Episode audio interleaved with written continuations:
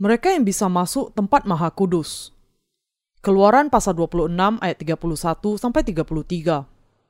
Haruslah kau buat tabir dari kain ungu tua dan kain ungu muda, kain kirmizi dan lenan halus yang dipintal benangnya.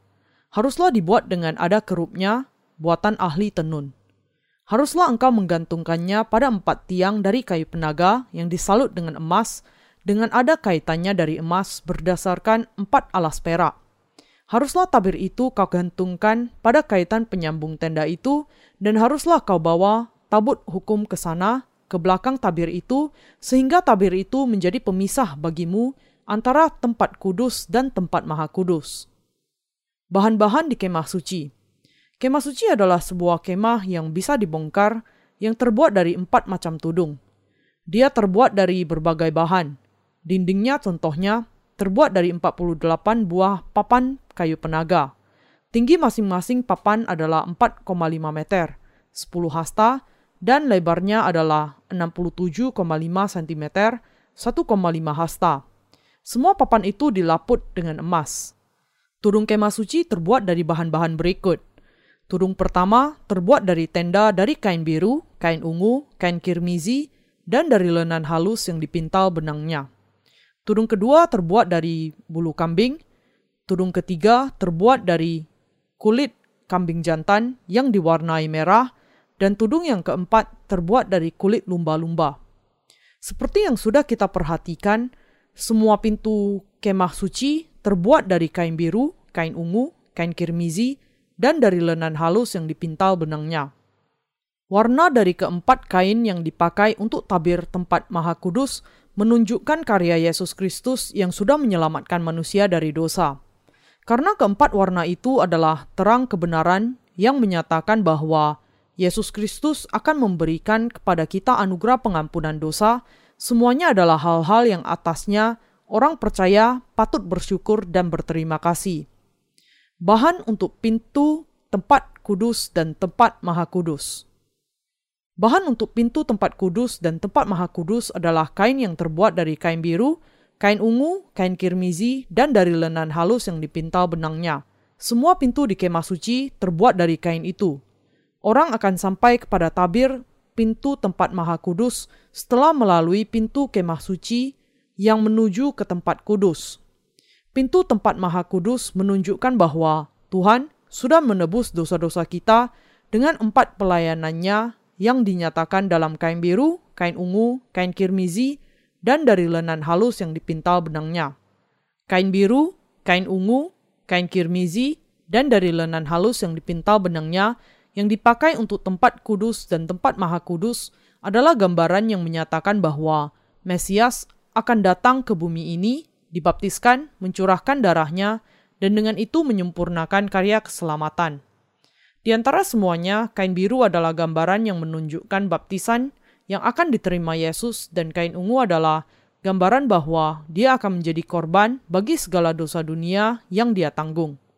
Untuk menghapuskan dosa-dosa kita, Tuhan kita dibaptiskan dan menanggung kutuk atas dosa. Inilah yang ditunjukkan tabir pintu tempat maha kudus. Lantai kemah suci Kemah suci dibangun di atas pasir biasa tanah sebagai lantainya. Tanah di sini menunjuk kepada hati manusia, bahwa lantai kemah suci terbuat dari pasir dan tanah menjelaskan kepada kita bahwa Yesus datang ke bumi ini dalam rupa manusia untuk menghapuskan dosa-dosa di dalam hati kita.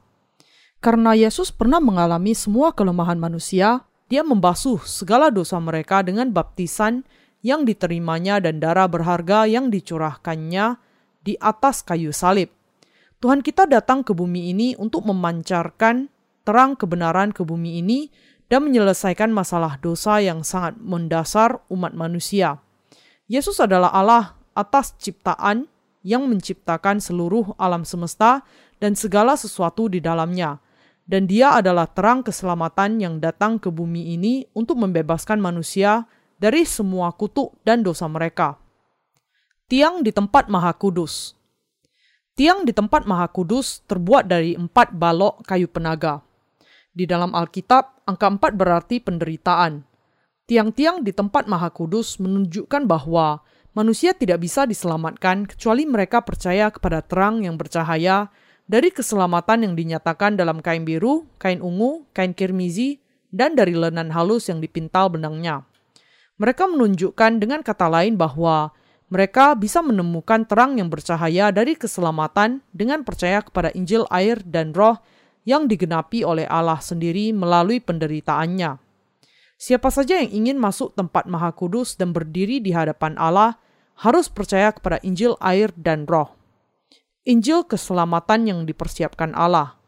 Tetapi mereka yang datang kepada Allah tanpa percaya kepada Injil yang ditetapkan Allah akan menghadapi murka Allah yang mengerikan. Mereka yang berdiri di hadapan Allah harus memiliki iman yang percaya kepada terang kebenaran yang dinyatakan dalam kain biru, kain ungu, kain kirmizi, dan dari lenan halus yang dipintal benangnya. Melalui terang kebenaran yang bercahaya ini, kita semua harus datang ke tempat Maha Kudus di mana Allah berdiam. Injil pengampunan dosa di dalam Perjanjian Lama adalah kebenaran keselamatan yang dinyatakan dalam kain biru, kain ungu, dan kain kirmizi. Injil pengampunan dosa yang dinyatakan dalam Perjanjian Baru digenapi melalui baptisan yang diterima Yesus, darah di atas kayu salib, dan kebangkitannya. Kita bisa masuk ke dalam tempat Maha Kudus hanya kalau kita memiliki iman yang percaya kepada Injil yang Maha Kudus ini. Kita harus percaya kepada keselamatan kita yang dinyatakan kain biru, kain ungu, dan kain kirmizi.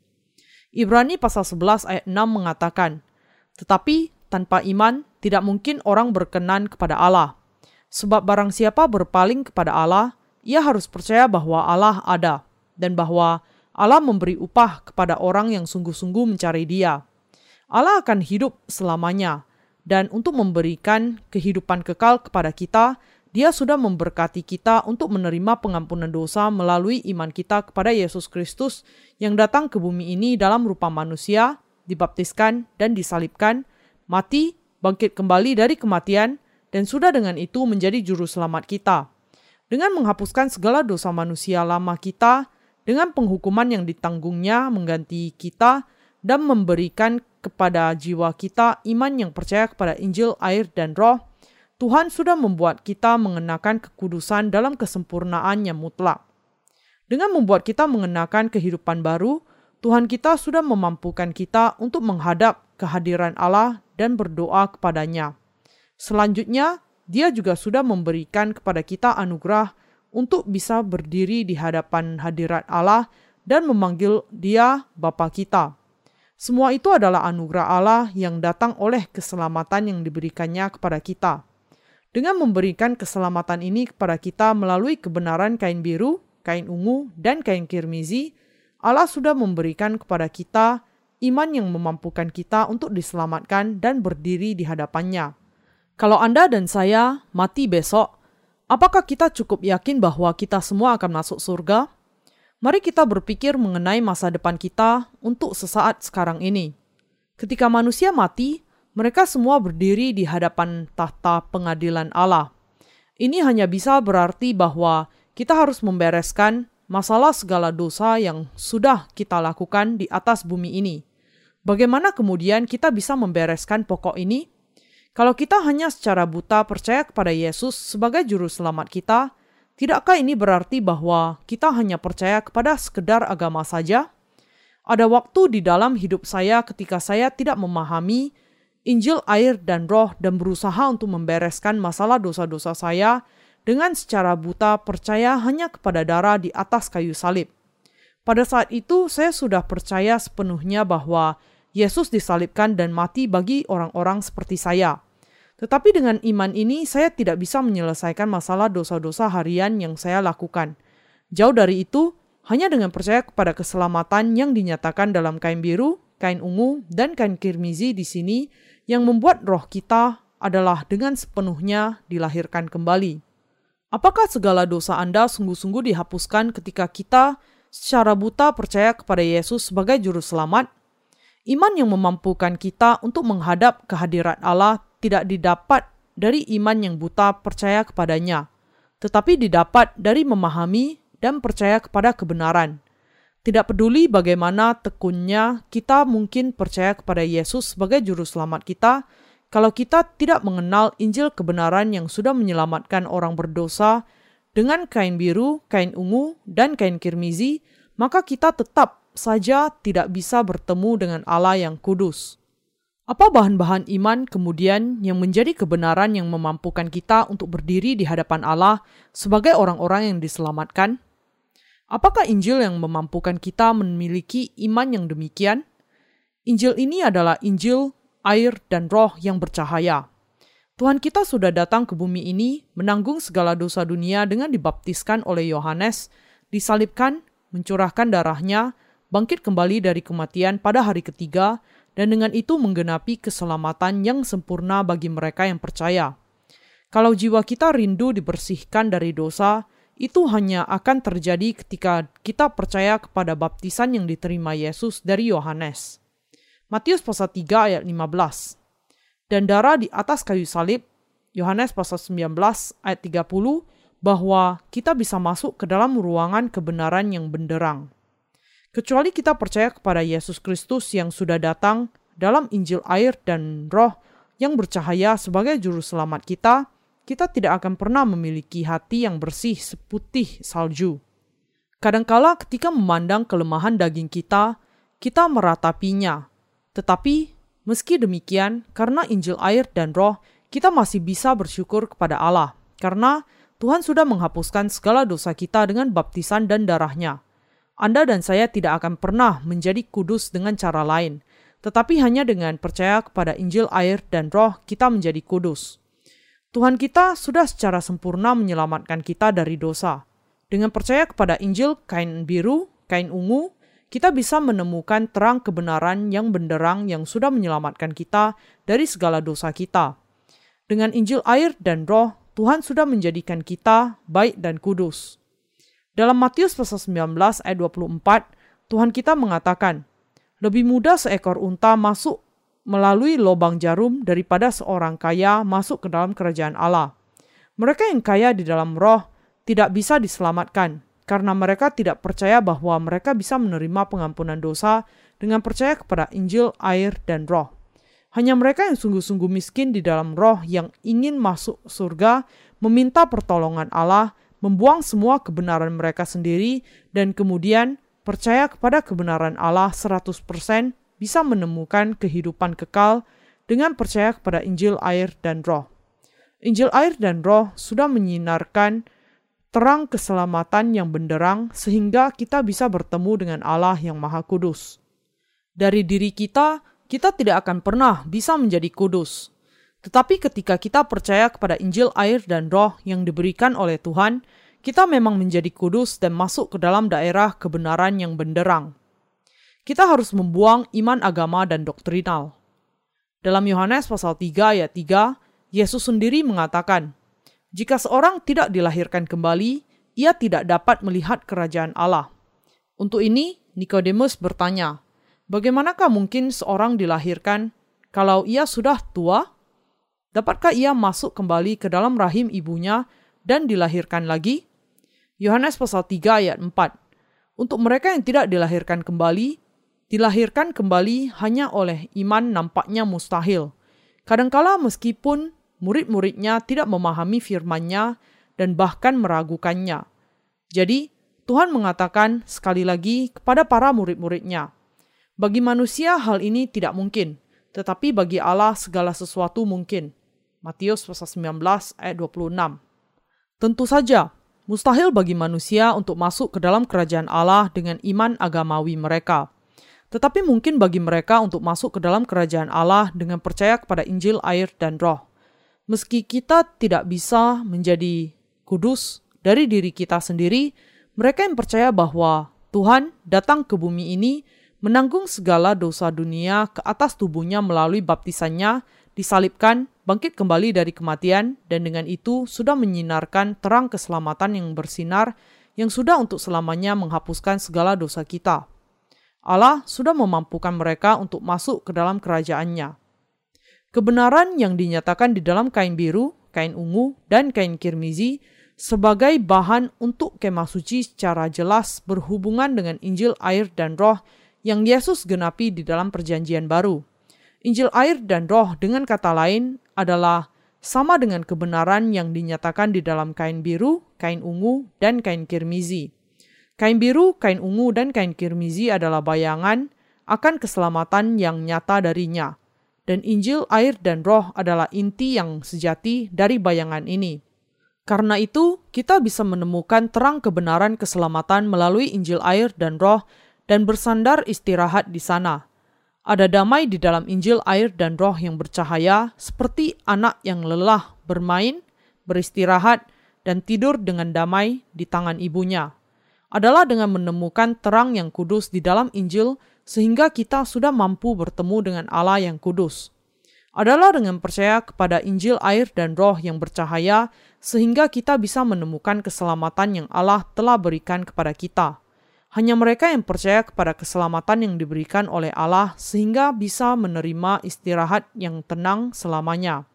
Singkatnya, percaya kepada Injil air dan roh yang paling suci adalah satu-satunya iman yang memampukan kita untuk masuk ke dalam tempat maha kudus.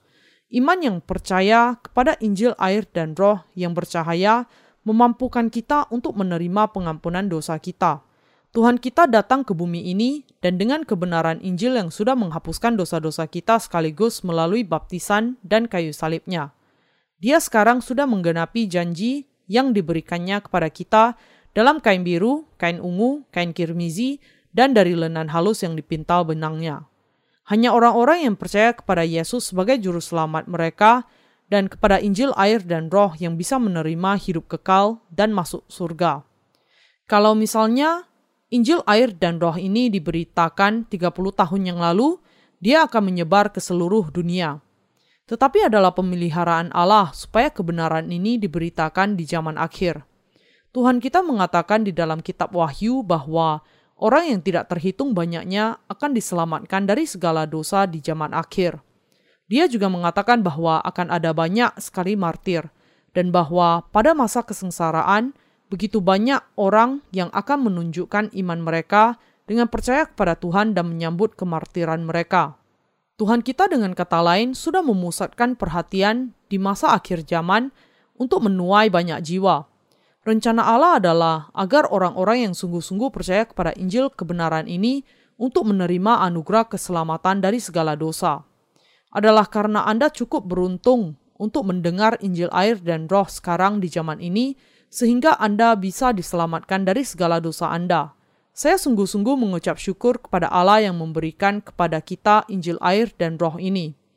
Apa yang akan terjadi kepada kita kalau kita tidak pernah mendengar Injil air dan roh? Tetapi merupakan suatu kenyataan bahwa bahkan sampai saat ini tidak semua orang menerima Injil air dan roh. Kebenaran ini bukan sesuatu yang bisa masuk ke hati sembarang orang. Kenyataannya, kita semua melihat bahwa meskipun ada banyak orang Kristen di seluruh dunia ini, banyak di antara mereka yang tidak mengenal atau percaya kepada Injil, air, dan Roh.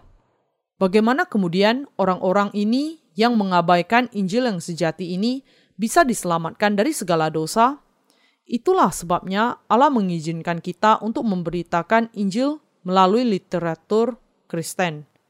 Ada banyak di seluruh dunia yang memberikan kesaksian bahwa mereka sudah sampai kepada pemahaman akan Injil air dan roh itu hanya setelah membaca literatur Injil yang kami beritakan. Mereka semua sudah memahami hanya darah di atas kayu salib sebelum mereka mengenali Injil air dan roh ini. Tetapi mereka sekarang bersyukur kepada Tuhan karena bisa mencapai pemahaman yang jelas mengenai Injil air dan roh dan percaya dalamnya. Juga ada banyak yang memberikan kesaksian bahwa mereka belum pernah mengerti betapa besarnya kepentingan yang tersembunyi di balik kenyataan bahwa Yesus dibaptiskan oleh Yohanes. Sekarang mereka sudah percaya kepada Injil ini dan tidak pernah merasa cukup dalam mengucap syukur kepada Allah untuk hal itu.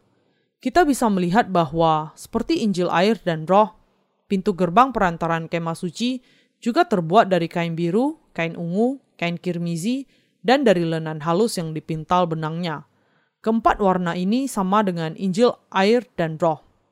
Dan dengan pola yang sama juga, Injil air dan roh yang bercahaya juga dinyatakan di dalam tirai tempat kudus dan tabir di pintu tempat maha kudus. Tudung kemah suci yang pertama lebih lanjut juga dibuat dengan empat warna yang sama, biru, ungu, dan kirmizi, serta kain lenan halus. Kebenaran ini menunjuk kepada baptisan dan darah Yesus.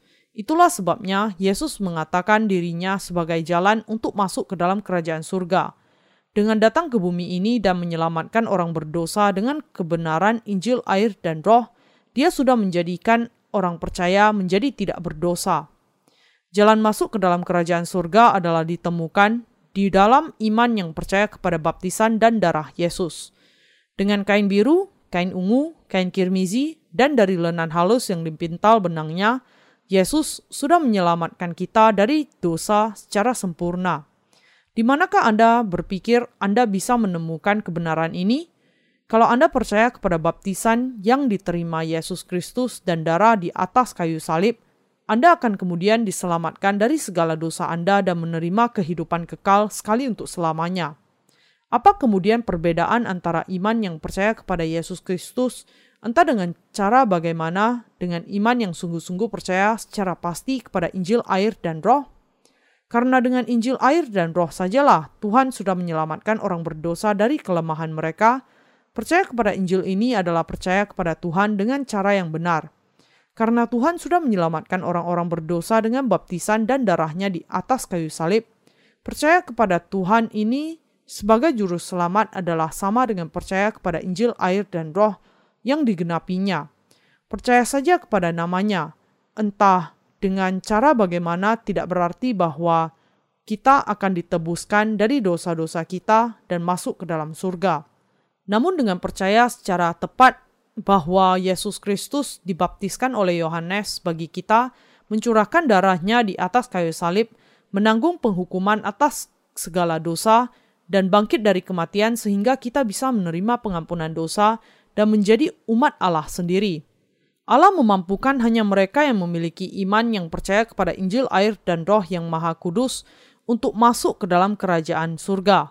Tetapi mereka yang tidak percaya kepada Injil, air, dan Roh tidak bisa masuk ke dalam kerajaan Allah karena mereka belum dilahirkan kembali. Dengan percaya kepada Injil, air, dan roh yang bersinar terang yang dinyatakan di dalam kemah suci, kita sudah bisa menerima iman yang maha kudus sementara hidup di atas bumi ini. Meskipun tindakan kita lemah ketika kita memiliki iman yang demikian, bagaimana mungkin ada orang yang mengatakan bahwa kita belum menjadi orang-orang benar Ketika kita sudah menjadi kudus dengan percaya kepada Injil air dan roh, bagaimana mungkin kita masih memiliki dosa? Beberapa orang merasa heran bagaimana mungkin kita bisa mengatakan bahwa kita tidak berdosa ketika kita masih di dalam daging yang senantiasa melakukan dosa. Tetapi ini pandangan kedagingan mereka sendiri. Mereka yang mengenal dan percaya kepada Injil, air, dan roh setuju bahwa manusia memiliki tubuh yang tidak sempurna. Dan karena itu, mereka tidak bisa tidak berdosa sampai mereka mati. Namun mereka juga percaya bahwa mereka sudah ditebus dari semua dosa mereka untuk selamanya, termasuk dosa-dosa yang akan mereka lakukan di masa yang akan datang, di dalam keselamatan yang sempurna dari baptisan Yesus dan kayu salibnya. Bahwa Anda dan saya bisa membagi firman iman rohani dan memiliki iman yang maha kudus, sementara kita hidup di atas bumi ini adalah karena kenyataan bahwa Tuhan sudah memberikan kepada kita keselamatan yang dinyatakan di dalam kain biru, kain ungu, kain kirmizi, dan dari lenan halus yang dipintal benangnya. Itu adalah karena Tuhan sudah memberikan kepada kita iman yang memampukan kita untuk percaya kepada kebenaran Injil, air, dan roh sebagai anugerahnya kepada kita. Dengan iman kita kepada Tuhan, kita bisa memiliki persekutuan dengan sesama kita dan menjalani kehidupan kita sementara melayani Tuhan dan mengasihi sesama. Di sinilah letak dari kehidupan yang sungguh-sungguh berbahagia. Kita tidak bisa tidak mengucapkan syukur kepada Allah atas Injil ini. Betapa indahnya bahwa saya bisa sampai kepada pengenalan akan Injil air dan roh dan percaya kepada hal itu. Ketika saya tidak memiliki sedikit pun pengetahuan akan baptisan Yesus melalui firman kebenaran, Allah sudah memberikan ke dalam hati saya iman yang percaya kepada Injil, air, dan roh. Dengan percaya kepada Injil, air, dan roh, kita semua sudah menerima berkat-berkat surga. Karena Injil sejati di dalam hati saya, saya memberitakannya dengan ucapan syukur sejati. Sementara membaca Alkitab, sebuah pertanyaan mulai muncul di dalam pikiran saya. Mengapa Yesus dibaptiskan? Karena pertanyaan itu terus muncul, saya berusaha menemukan jawabannya melalui Alkitab. Tetapi tidak seorang pun yang bisa mengajari saya. Itulah sebabnya saya sangat tertarik sekali dengan pokok ini sampai saya bisa memahami Injil air dan roh ini. Saya sering membaca ayat dari Matius pasal 3 ayat 13 sampai 17. Khususnya di mana Yesus mengatakan kepada Yohanes sebelum dibaptiskan, "Biarlah hal itu terjadi, karena demikianlah sepatutnya kita menggenapkan seluruh kebenaran." Tetapi saya tidak pernah memahami maknanya. Jadi, saya sering bertanya kepada orang lain mengenai alasan mengapa Yesus dibaptiskan oleh Yohanes Pembaptis di Sungai Yordan tetapi saya tidak pernah mendengar jawaban yang sepenuhnya memuaskan. Akan tetapi Allah memampukan saya untuk memahami tujuan dari baptisan yang diterima Yesus dari Yohanes. Ini adalah revolusi rohani untuk saya, seperti orang buta yang bisa melihat. Jadi, setelah saya menangkap makna Matius pasal 3 ayat 13 sampai 17 sajalah, saya bisa memahami kebenaran yang dinyatakan di dalam kain biru, kain ungu, dan kain kirmizi yang sudah menyelamatkan saya dari dosa-dosa saya. Sebelum saya menangkap kebenaran ini, saya hanya percaya kepada darah di atas kayu salib sebagai keselamatan saya. Tetapi pada kenyataannya adalah bahwa saya masih tetap memiliki dosa dan karena itu saya tetap orang berdosa. Pada saat itu, saya percaya bahwa saya bisa ditebus hanya dari dosa asal saya oleh darah Yesus dan dosa-dosa tindakan saya masih tetap tinggal di dalam hati saya. Saya tidak tahu iman yang membuat manusia sama sekali tidak berdosa, yaitu saya sepenuhnya tidak mengerti akan baptisan yang diterima Yesus dari Yohanes. Namun, Allah menerangi hati saya dengan cahaya terang pengampunan dosa, sebagaimana terang dinyalakan di dalam ruangan yang gelap. Ah, baptisan yang diterima Yesus dari Yohanes sangat erat hubungannya dengan pengumpangan tangan di dalam tata cara korban dari perjanjian lama. Jadi inilah yang disebut Injil air dan roh itu. Tetapi kemudian apa? Terkejut oleh pengetahuan saya sendiri, perjuangan yang hebat mulai muncul di dalam hati saya setelah saya memahami kebenaran ini. Kalau tidak ada Injil selain Injil air dan roh adalah Injil yang sebenarnya, apa yang akan terjadi dengan dunia ini? Saya sudah berpikir bahwa iman kaum Injili sudah sangat alkitabiah kebenarannya. Akan tetapi sekarang, saya akhirnya sampai kepada pemahaman bahwa semua Injil lain kecuali Injil air dan roh adalah keliru dan berasal dari iblis. Jadi semua yang saya lakukan sejak saat itu adalah percaya dan memberitakan bahwa tidak ada Injil sejati yang lain kecuali Injil air dan roh. Beberapa orang mungkin mengkritik saya karena hal ini. Allah sudah juga menunjukkan kepada saya manusia yang penuh kekurangan, kebenaran, keselamatan yang dinyatakan di dalam kain biru, kain ungu, dan kain kirmizi. Dan dia juga sudah memampukan saya untuk percaya dan memberitakan bahwa kebenaran ini adalah Injil yang sejati. Ada banyak Injil yang mirip di dunia ini, tetapi hanya ada satu Injil yang sejati, Inilah sebabnya saya memutuskan untuk memberitakan Injil air dan roh ke seluruh penjuru dunia. Ketika saya berpikir tentang bagaimana saya bisa memberitakan kebenaran pengampunan dosa dan bagaimana saya bisa mengerti dan percaya serta memberitakan Injil air dan roh yang maha kudus, saya bisa memahami betapa agungnya saya sudah diberkati oleh Allah. Semua yang saya lakukan hanyalah percaya bahwa Yesus menanggung segala dosa dunia dengan dibaptiskan oleh Yohanes dan mencurahkan darahnya di atas kayu salib, dan kemudian segala dosa saya dilenyapkan. Injil air dan roh adalah kebenaran yang sejati, dan saya bersyukur kepada Tuhan yang memberikan kepada saya Injil ini. Saya adalah orang yang memang sangat diberkati oleh Allah. Kalau Anda percaya kepada Injil air dan roh, maka Anda juga orang-orang yang sangat diberkati. Saya percaya bahwa segala hal ini adalah berkat yang sudah dicurahkan Allah bagi saya. Sebagaimana Rasul Paulus mengakui, tetapi karena kasih karunia Allah, aku adalah sebagaimana aku ada sekarang dan kasih karunia yang dianugerahkannya kepadaku tidak sia-sia. 1 Korintus pasal 15 ayat 10.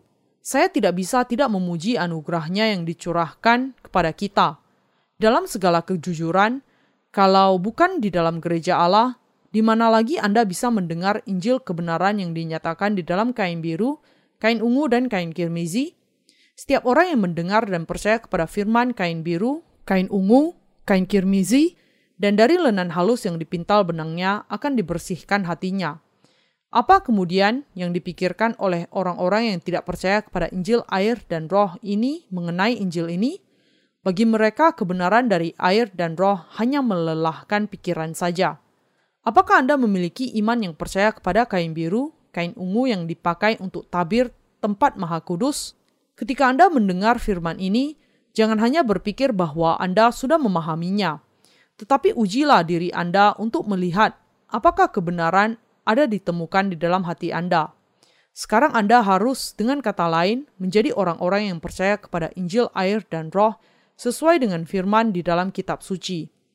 Akan sangat beruntung dan diberkati kalau Anda bisa datang ke dalam gereja Allah, mendengar firman Allah dan memiliki hak istimewa untuk masuk ke surga.